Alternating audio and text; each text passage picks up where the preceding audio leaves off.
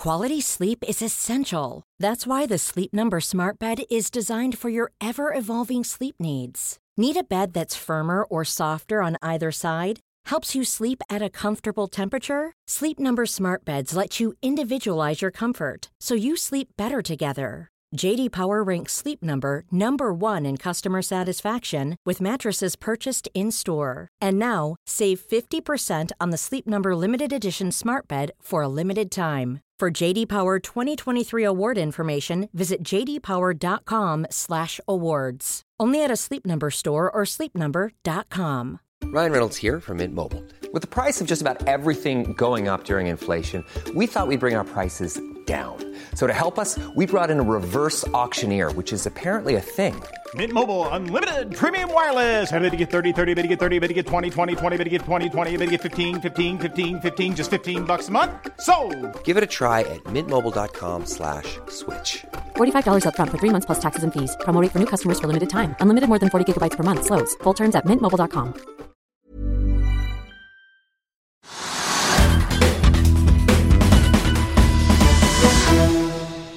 Velkommen til Økonominyhetene på denne tirsdag 9. november. I dag får vi besøk av både mobilselskapet Nortel og solselskapet Ocean Sun, som har kommet med tall begge to i dag. Og vi snakker med Aker om deres nye venturesatsing i Bergen. Hovedindeksen startet, opp, nei, startet ned, unnskyld, men karret seg etter hvert i pluss i dag og er så vidt opp 0,03% nå. og Holder det seg ut dagen, så blir det den femte dagen med oppgang på rad. Oppgangen skjer til tross for at nordsjøoljen er ned 0,35% til 83,40 per fat i spotmarkedet, og det er stort sett grønt rundt oss i Europa på børsene. Og det ser ut som vi får en positiv start på Wall Street også, med positive futures der. Her hjemme er det PCI Biotech, Kahoot, som er blant vinnerne. Kahoot er opp hele 9,4 og er også tredje mest omsatt i dag. Valenius Wilhelmsen, Nordic Nanovektor og Hexagon er også opp uh, i dag og er på vinnerlisten.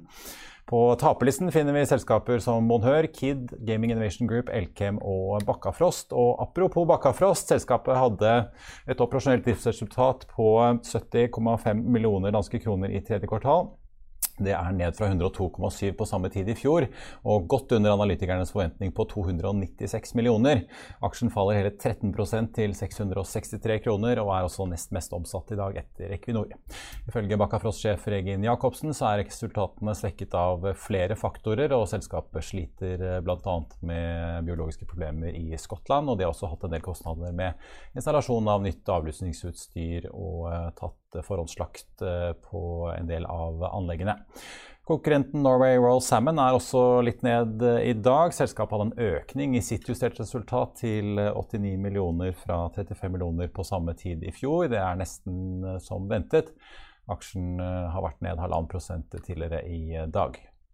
Svenskenes interesse for norsk eiendom ser ikke ut til å være over, for SBB, selskapet som tidligere prøvde seg på Entra for et års tid siden, har inngått en avtale om å kjøpe 62,6% av Solon eiendom for 2,25 milliarder kroner.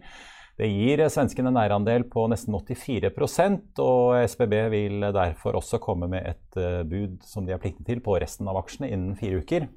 Oppkjøpet på litt over 2,2 milliarder struktureres slik at investorene Runar Vatne, Tor Aksel Vollberg, Simen Thorsen og Øystein Landvik får halvparten i kontanter og halvparten i SBB-aksjer i en emisjon der.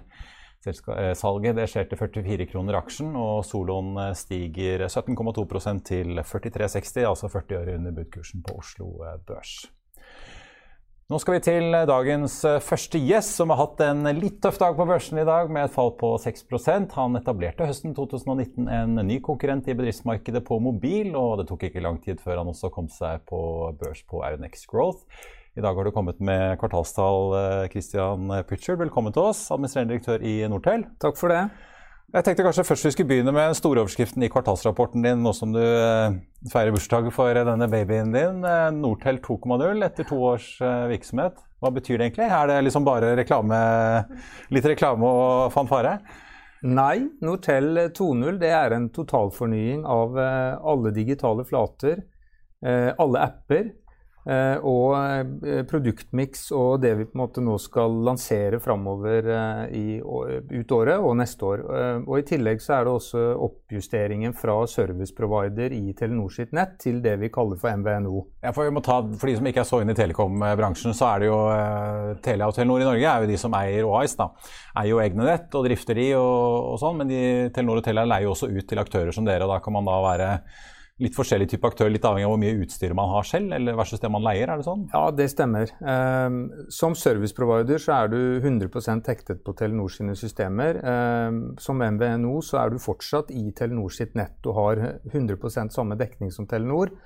Men du kan bygge uh, mer tjenester og mer produkter rundt uh, vår egen satsing. Eh, og I tillegg så er det en, eh, en, eh, en, forbedring i forhold til innkjøpsvilkår, sånn at vi får mer konkurransekraft og kan skape enda mer innovasjon i forhold til vårt mission, som er å utfordre Telenor og Telia. Ja, for Det er ikke bare dere, det er jo Happy Bites og flere aktører som nå bruker denne leverandøren E-Rate til å komme seg inn, eller komme seg opp på dette nivået i Telenor-nettet. Mm. Endre litt dynamikken i mobilmarkedet, noe som ikke bare dere gjør det, men flere andre også?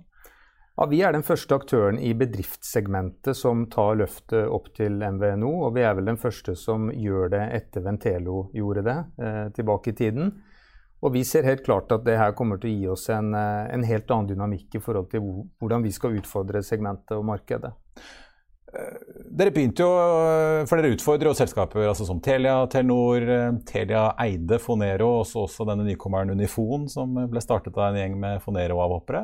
Eh, dere begynte jo å utfordre litt egentlig på datakvoter og, og, ta den posisjonen i markedet. Er det det som skal være satsingen fremover òg, eller bredder dere dere litt ut på, på andre ting og andre produkter også? Vi går bredere enn det vi gjorde i starten, men vi var jo første aktøren som lanserte fri data til bedriftsmarkedet eh, med abonnementet vårt Grenseløs. Eh, og det vi ser er jo at det har truffet eh, godt, og vi kommer til å utvide og se på produktspekter rundt det. Eh, og I tillegg så er det jo dette med mobilt sentralbord eh, og tilleggstjenester på toppen av det. Integrasjoner mot ulike kundeservicesystemer og integrasjon mot Teams og den type plattformer som også blir viktig framover. Ja. Og 5G, da, som mange av disse andre løper rundt og skryter av. Eh, ja. Er det på, på trappene òg? Vi eh, får jo tilgang på 5G-nettet etter hvert som Telenor bygger det ut. Eh, så våre kunder vil jo ha 5G-tilgang eh, parallelt med Telenor sine egne kunder. Og det er klart at 5G er viktig for oss i forhold til kapasitet, datamengder osv. Så, videre. så 5G er jo et veldig spennende løp som vi er en del av. Ja. Mm. Du, jeg var inne på nettsiden deres, for du har jo lovet at du skal komme med, med trådløst bredbånd, som eh, Telia Norge-sjef Stein Erik Velland satt her i studio og mente kom til å bli ganske stort i Norge. Mm. Eh, men jeg har ikke funnet det på nettsiden din ennå. Er det litt forsinket, eller hva skjer? Ja, vi har uh, Foreløpig så har vi utsatt den lanseringen litt. og det er som følge av reguleringen til Nkom. og tilgang, altså gamle Post- og teletilsynet? Gamle. Post- og teletilsynet i forhold til tilgang på adresser hvor vi kan levere. For nå er det sånn at vi kan, vi, vi kan ikke levere fixed wireless til adresser hvor Telenor har bygd ut fiber, eller skal bygge ut fiber de neste 6-12 månedene.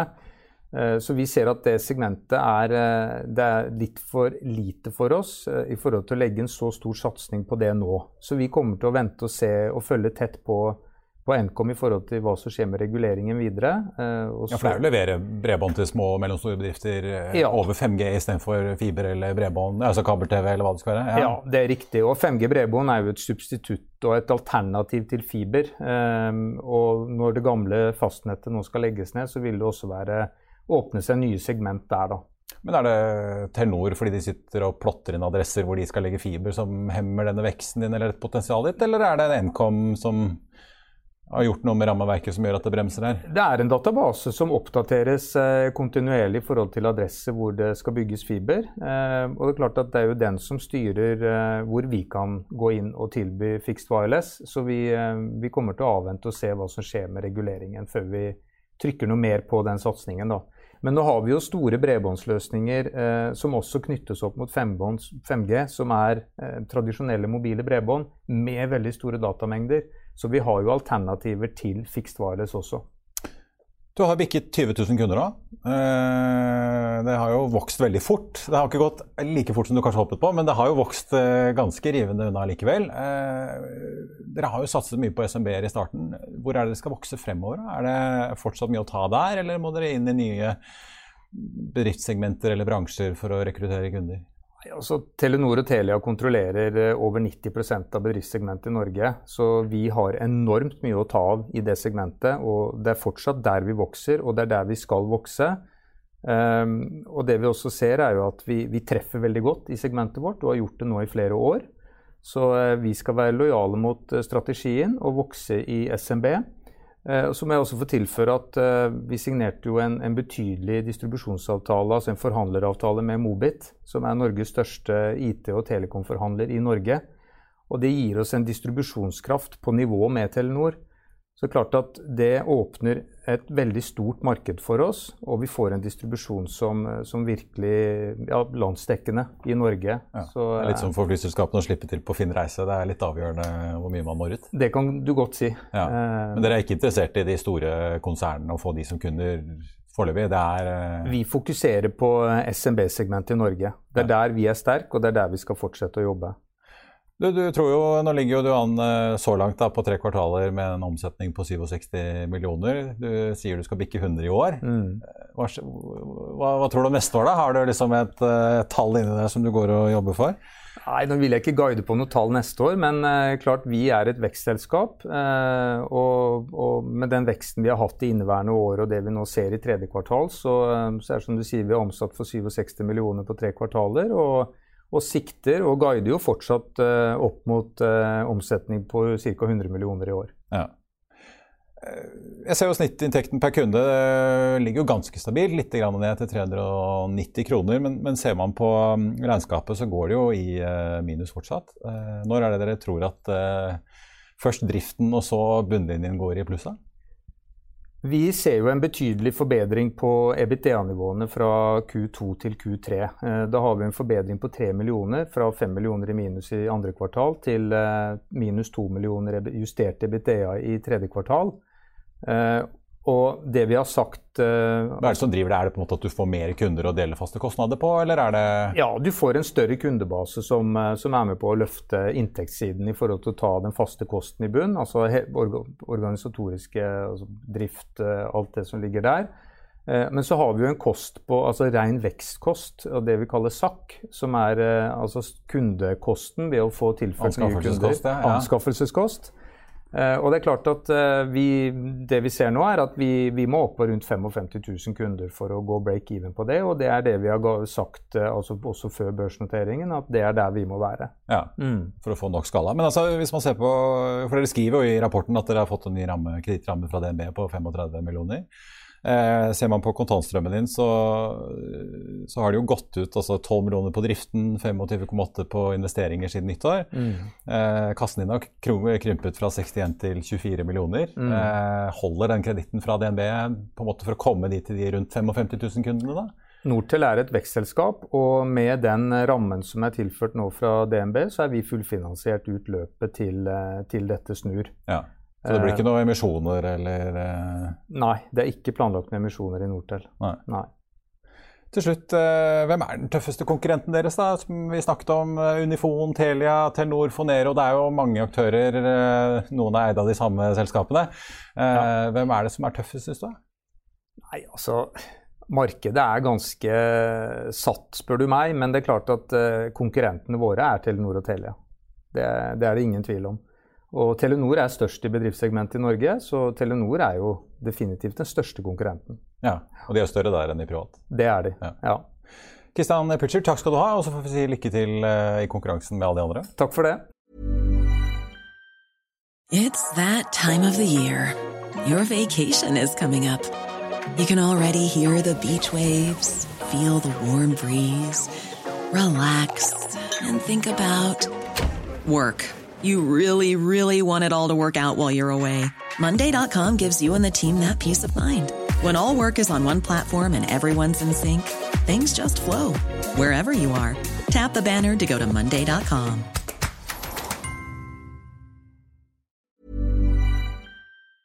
I'll see you in court. Vi sier det ofte litt på spøk, men for deg som driver business, er det aldri moro å innse at du ikke har laget en 100 gyldig kontrakt. Du bør ikke risikere hele firmaet ditt fordi du synes dette med kontrakter er litt stress. En avtale er ikke en avtale.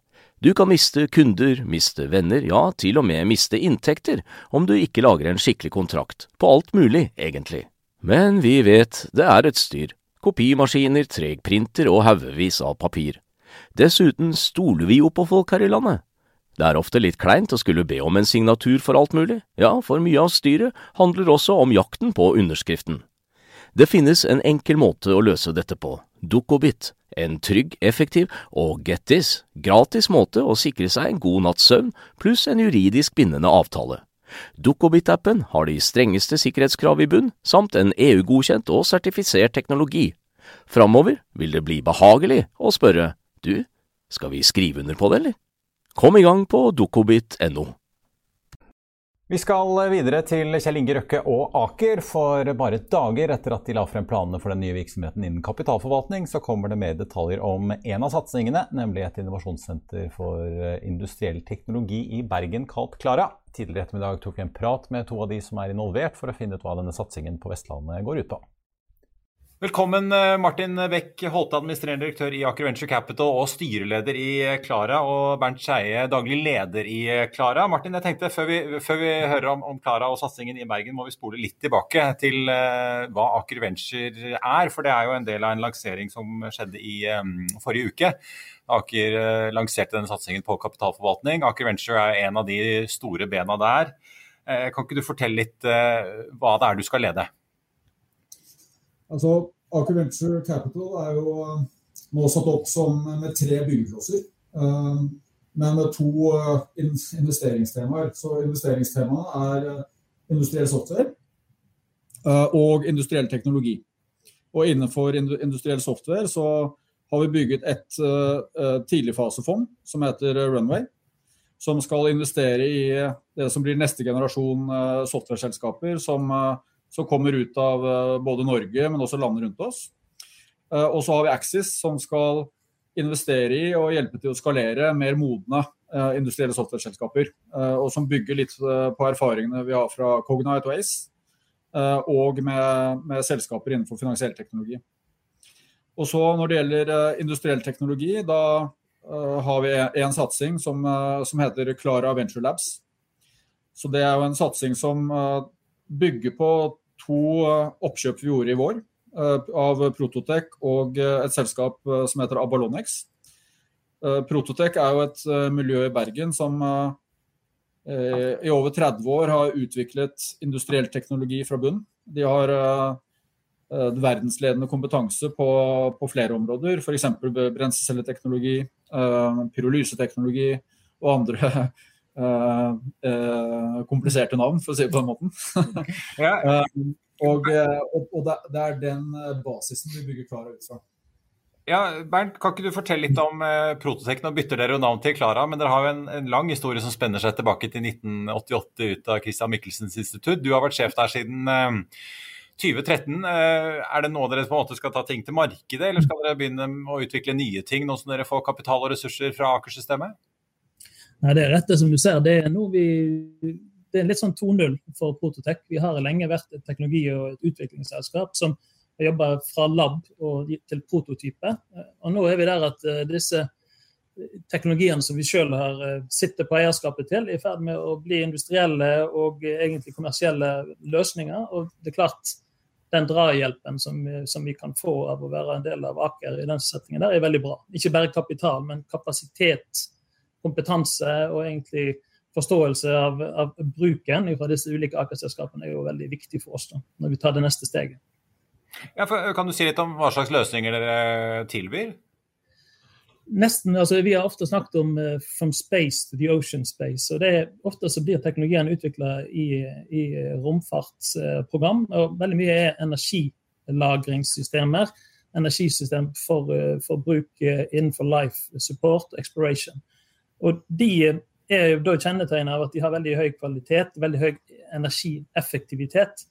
Og det har vi da tenkt at ok, Hvor andre plasser er det den teknologien kan ha en anvendelse? Altså Vi har tenkt litt markedsnært, og da er det gjerne ocean space.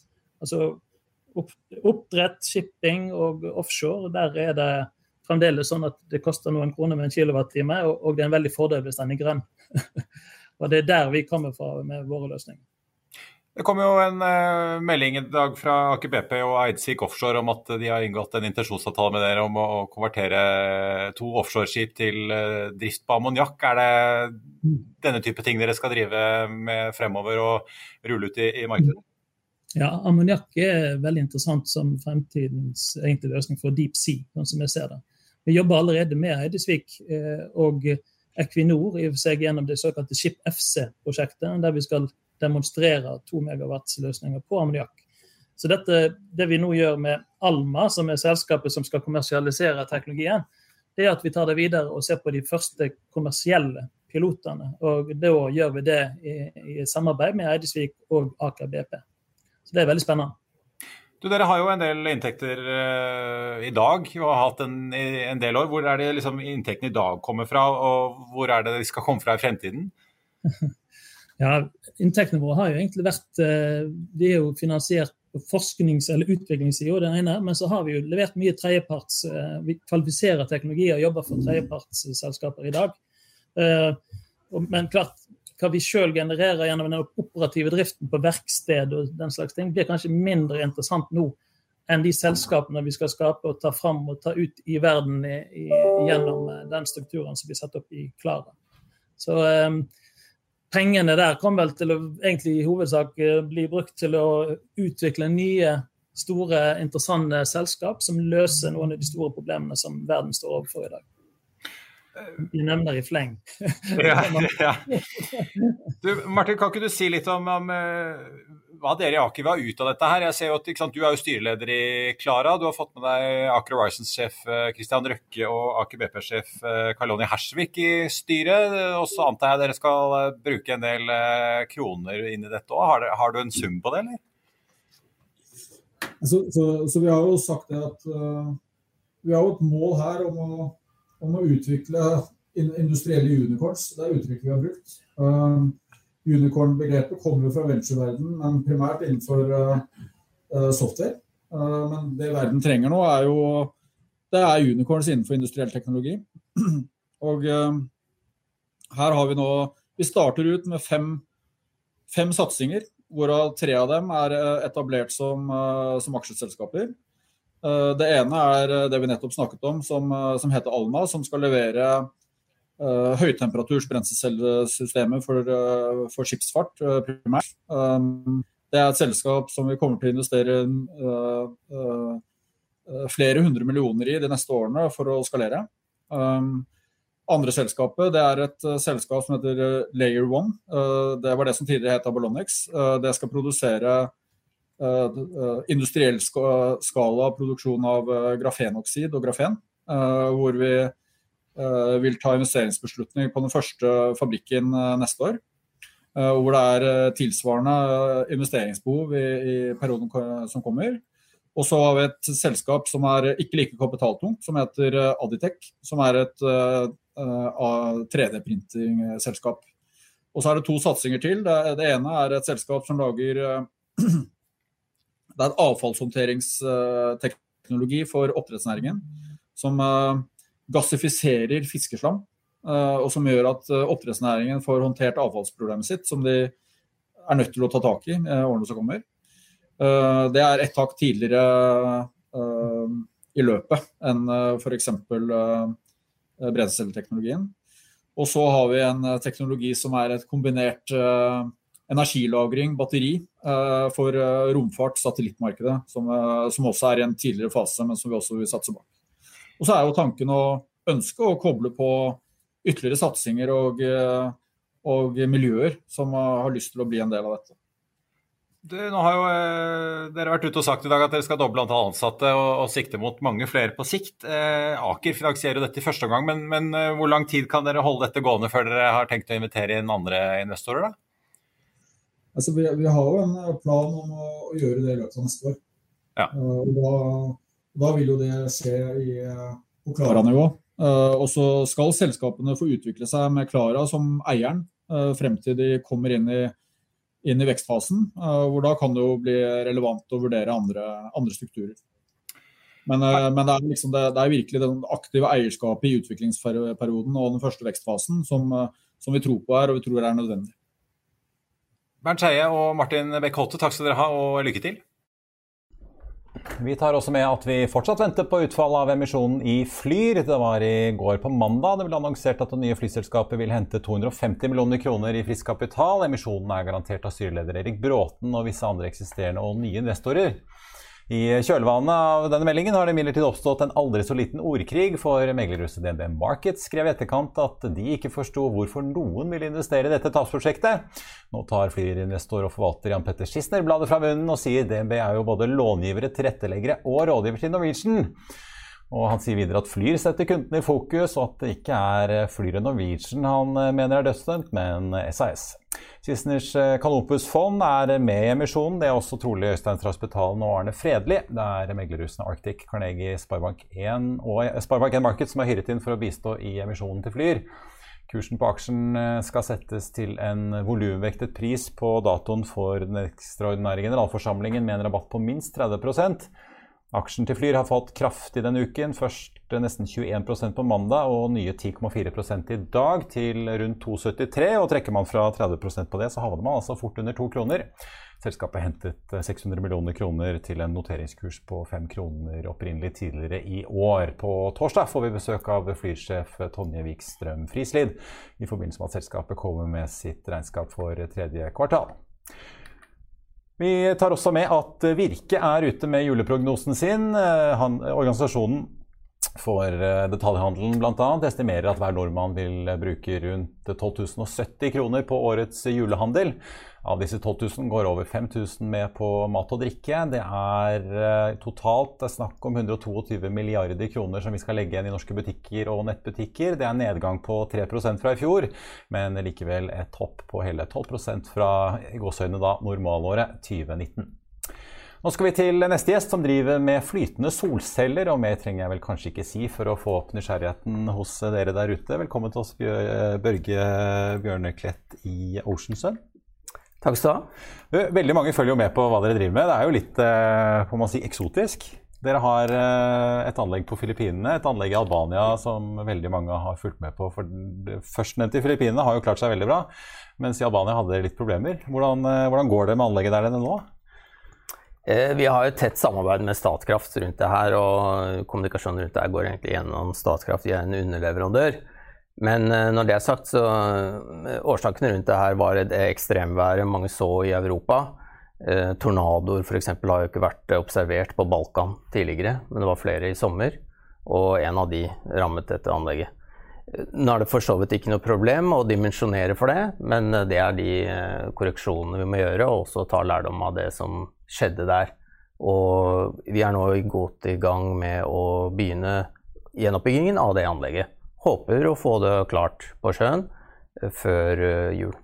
Ja, for dette andre anlegget på Filippinene har jo ikke hatt disse problemene. og Der er det jo også ganske røffe tyfoner og mye vær eh, til tider av året. Er det bygget på en annen måte, da? eller? Ja, altså Det er ca. 20 tyfoner som passerer ned, altså Nordøya Luzon der i året i hver monsunsesong. Og vi har jo ikke hatt en direkte treff av en tyfon, men det har jo vært tropiske stormer og veldig sterke vindforhold. Men der har man visst det på forhånd, så man har lagt det inn i designet fra starten av. På, eh, I Albania så så man ikke for seg det her ekstremværet og var hva skal vi si, mer slepphendt med det her. Og, men nå er dette dimensjonert for også den typen ekstremvær. Så nå kan vi ta en tornado til. Du, eh, For de som ikke kjenner dere. Eh, altså Solceller på vann. Forklar litt hvordan dette, denne konstruksjonen er laget. egentlig. Er det noen flyteelementer hvor man bare tar tradisjonelle solpaneler oppå? eller? Eh, først litt om rasjonalet for sol, flytende solenergi. og Det går på disse store arealene som kreves. for Vi snakker nå om store kommersielle solparker på flere kvadratkilometer.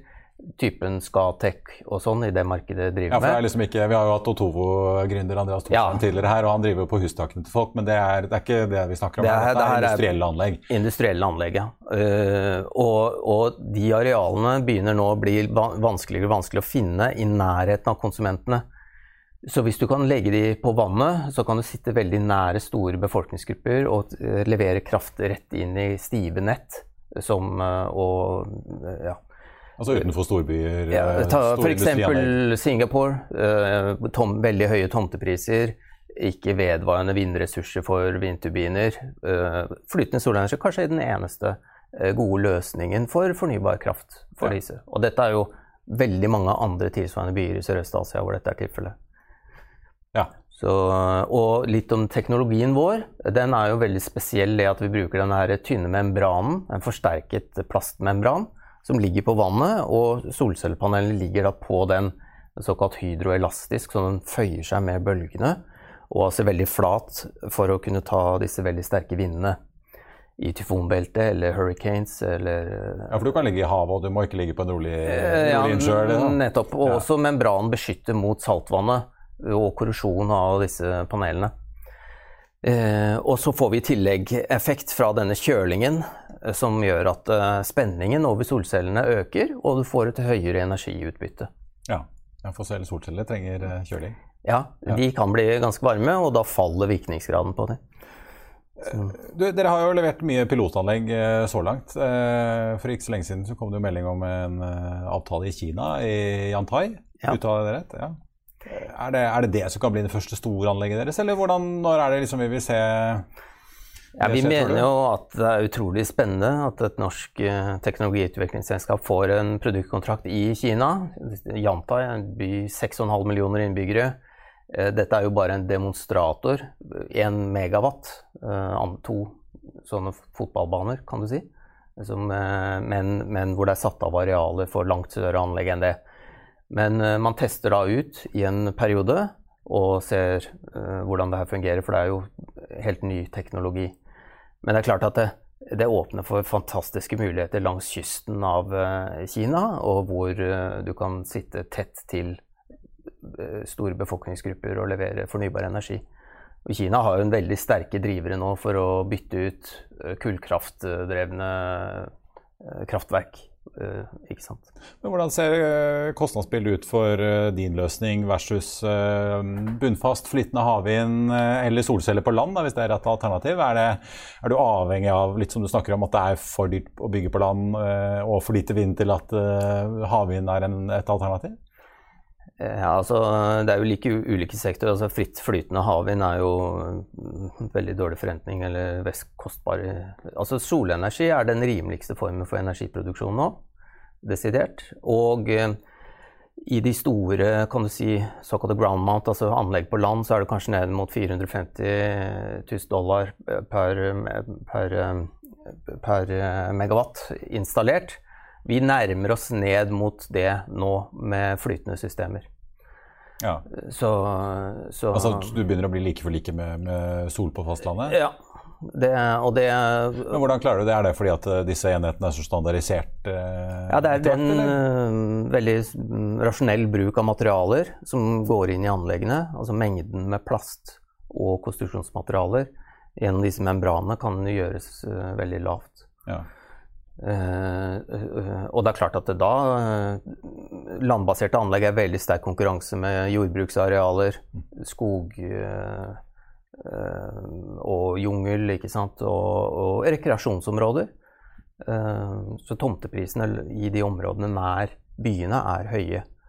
Men hvorfor ser vi ikke dette i Europa? Altså I Europa ser vi jo veldig mye bunnfast eller flytende havvind være i, i vinden i ordets rette forstand om dagen, med alle disse auksjonene hvor store energiselskaper deltar. Er, hvorfor er ikke flytende sol eh, aktuelt i den engelske kanal, f.eks.? Eh, Det, det kommer jo også, da. Altså, vi bygger jo nå den to megawatt-saken for Statkraft, og vi har jo også en avtale i Hellas med alle Fossus-familien, der eh, og og mange andre steder i Sør-Europa også. Og er jo der du får best avkastning på disse anleggene. Så det kommer bedre- i bedre enn Europa. Nordsjøen. Eh, Solinnstrålinga i Sør-Europa er betydelig bedre. Vi, vi ser også på et anlegg på Gran Canaria, utenfor Gran Canaria, som, eh, i et konsortium med Fred Olsen Renewables og andre, et EU-finansiert prosjekt. Og der er jo veldig høyt dieselforbruk. Der skipes jo dieselen ut til kraftverkene. Veldig høye kraftpriser. Og, så der er disse, den typen anlegg veldig opportunt. Ja også de greske øyer, Malta og andre steder hvor uh, dette har veldig gode forretningspotensial. Ja, så det, det, vil på en måte kunne sameksistere, i hvert fall i de litt mer solrike delene av kontinentet vårt med vind? da. Ja, og du ser også, det er jo et initiativ i Norge nå, nede på Herøya industripark, hvor noen prøver også å få inn uh, arealer der for å mate inn, på, inn i industriparken der. Har dere noen store, betydelige konkurrenter? da? Altså Én ting er jo andre energiformer innenfor Nybar, men har dere noen som også driver med flytende sol, eller er dere ganske alene? Det største innenfor den sektoren er uh, kinesiske Sungrow og franske Silitaire, som begge disse var tidlig ute. Men uh, anleggene har vel ganske store begrensninger i bølgehøyde og vindhastighet. Mm. Jeg må spørre eh, til slutt, altså Hvis man ser på eh, kontantbehandlingen, så har du rundt 80 millioner på konto nå i selskapet. Holder det? Eller er det sånn eh, dere må ut og hente mer penger eh, en eller annen gang for å finansiere denne veksten og oppskaleringen? Vi er veldig godt uh, kapitalisert nå, uh, hvert siden vi kom på Euronext Growth. Og i prinsipp kan holde på i flere år. Men eh, vi, vi, så, men vi også gjør en ekspansjon. Så, men det, det, er ingen nært forestående emisjon i Oceans. Nei. Men eh, disse prosjektene, er det liksom enkeltvis prosjektfinansiert eh, når dere skal inn og levere, da, eller er det Vi samarbeider typisk med store energiselskaper og utviklere eller lokale EPC-selskaper i de landene vi opererer, som, som gjerne da drifter og eier disse anleggene, mens vi er på en måte designeren, en arkitekt ja. av dette patenterte systemet. Så vi tar en royalty fee basert på totale capexen til anleggene. Men du skal ikke anlegge på din balanse? Nei. Nei. Nei. Nei. Børge Bjørnklett, takk skal du ha, og så får vi si lykke til. Takk skal du ha. Ja. Da har eh, markedet i eh, USA åpnet, og på Wall Street så er Dow Jones ned 0,5% fra start. Nasdaq Composite ned 0,8, mens S&P 500 også er ned 0,5. Eh, her hjemme så er hovedindeksen nå ned 0,8% og dermed ser det ut til at denne femdagers oppturen kanskje ikke blir noe av likevel. Vi ser på listen over de mest omsatte aksjene, så er det Equinor som er med å dra ned hovedveksten med nedgang på 2,2 selv om oljeprisen er i eh, en stabil utvikling nå. Kahoot er nest eh, mest omsatt eh, nå, opp 6,2% mens oppdrettsselskapet Bakkafrost er ned 14% etter deres kvartalsrapport. Aker BP ned 1,4, Norsk Hydro ned 1,8 og Nell opp 1,3 på topplisten, altså. I Finansavisen i morgen kan du lese Trygve Hegnars leder om SV og budsjettforhandlingene, eller som han kaller det, grått og smått for sosialistene, blodrødt for oss. Om, eh, du kan også lese om noen gründere som jakter på 230 millioner i påfyll til å drive med flytende solenergi, og da er det ikke Ocean Sun det er snakk om, og de har Kjetil Hotta med på laget. Du kan også lese et børsintervju med danske bankanalytiker Håvard Lie. Det var det vi hadde for i dag, men vi er tilbake i morgen klokken 15.30. Takk for at du så på, og så håper jeg vi ses igjen da.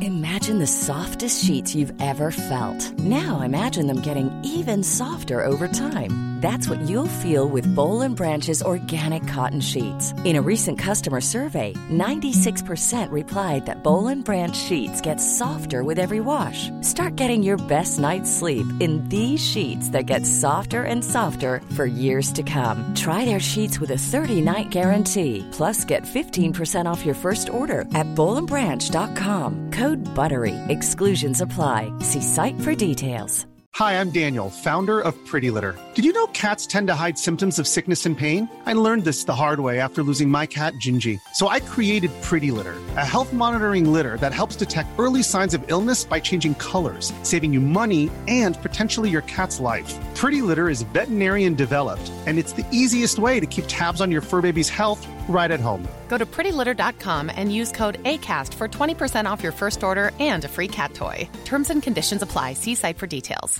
Planning for your next trip? Elevate your travel style with Quince. Quince has all the jet setting essentials you'll want for your next getaway, like European linen, premium luggage options, buttery soft Italian leather bags, and so much more. And is all priced at 50 to 80% less than similar brands. Plus, Quince only works with factories that use safe and ethical manufacturing practices. Pack your bags with high-quality essentials you'll be wearing for vacations to come with Quince. Go to quince.com slash pack for free shipping and 365-day returns. Økonominyhetene er en podkast fra Finansavisen. Programledere er Marius Lorentzen, Stein Ove Haugen og Benedikte Storm Bamvik. Produsenter er Lars Brenden Skram og Bashar Johar. Og ansvarlig redaktør er Trygve Hegnar.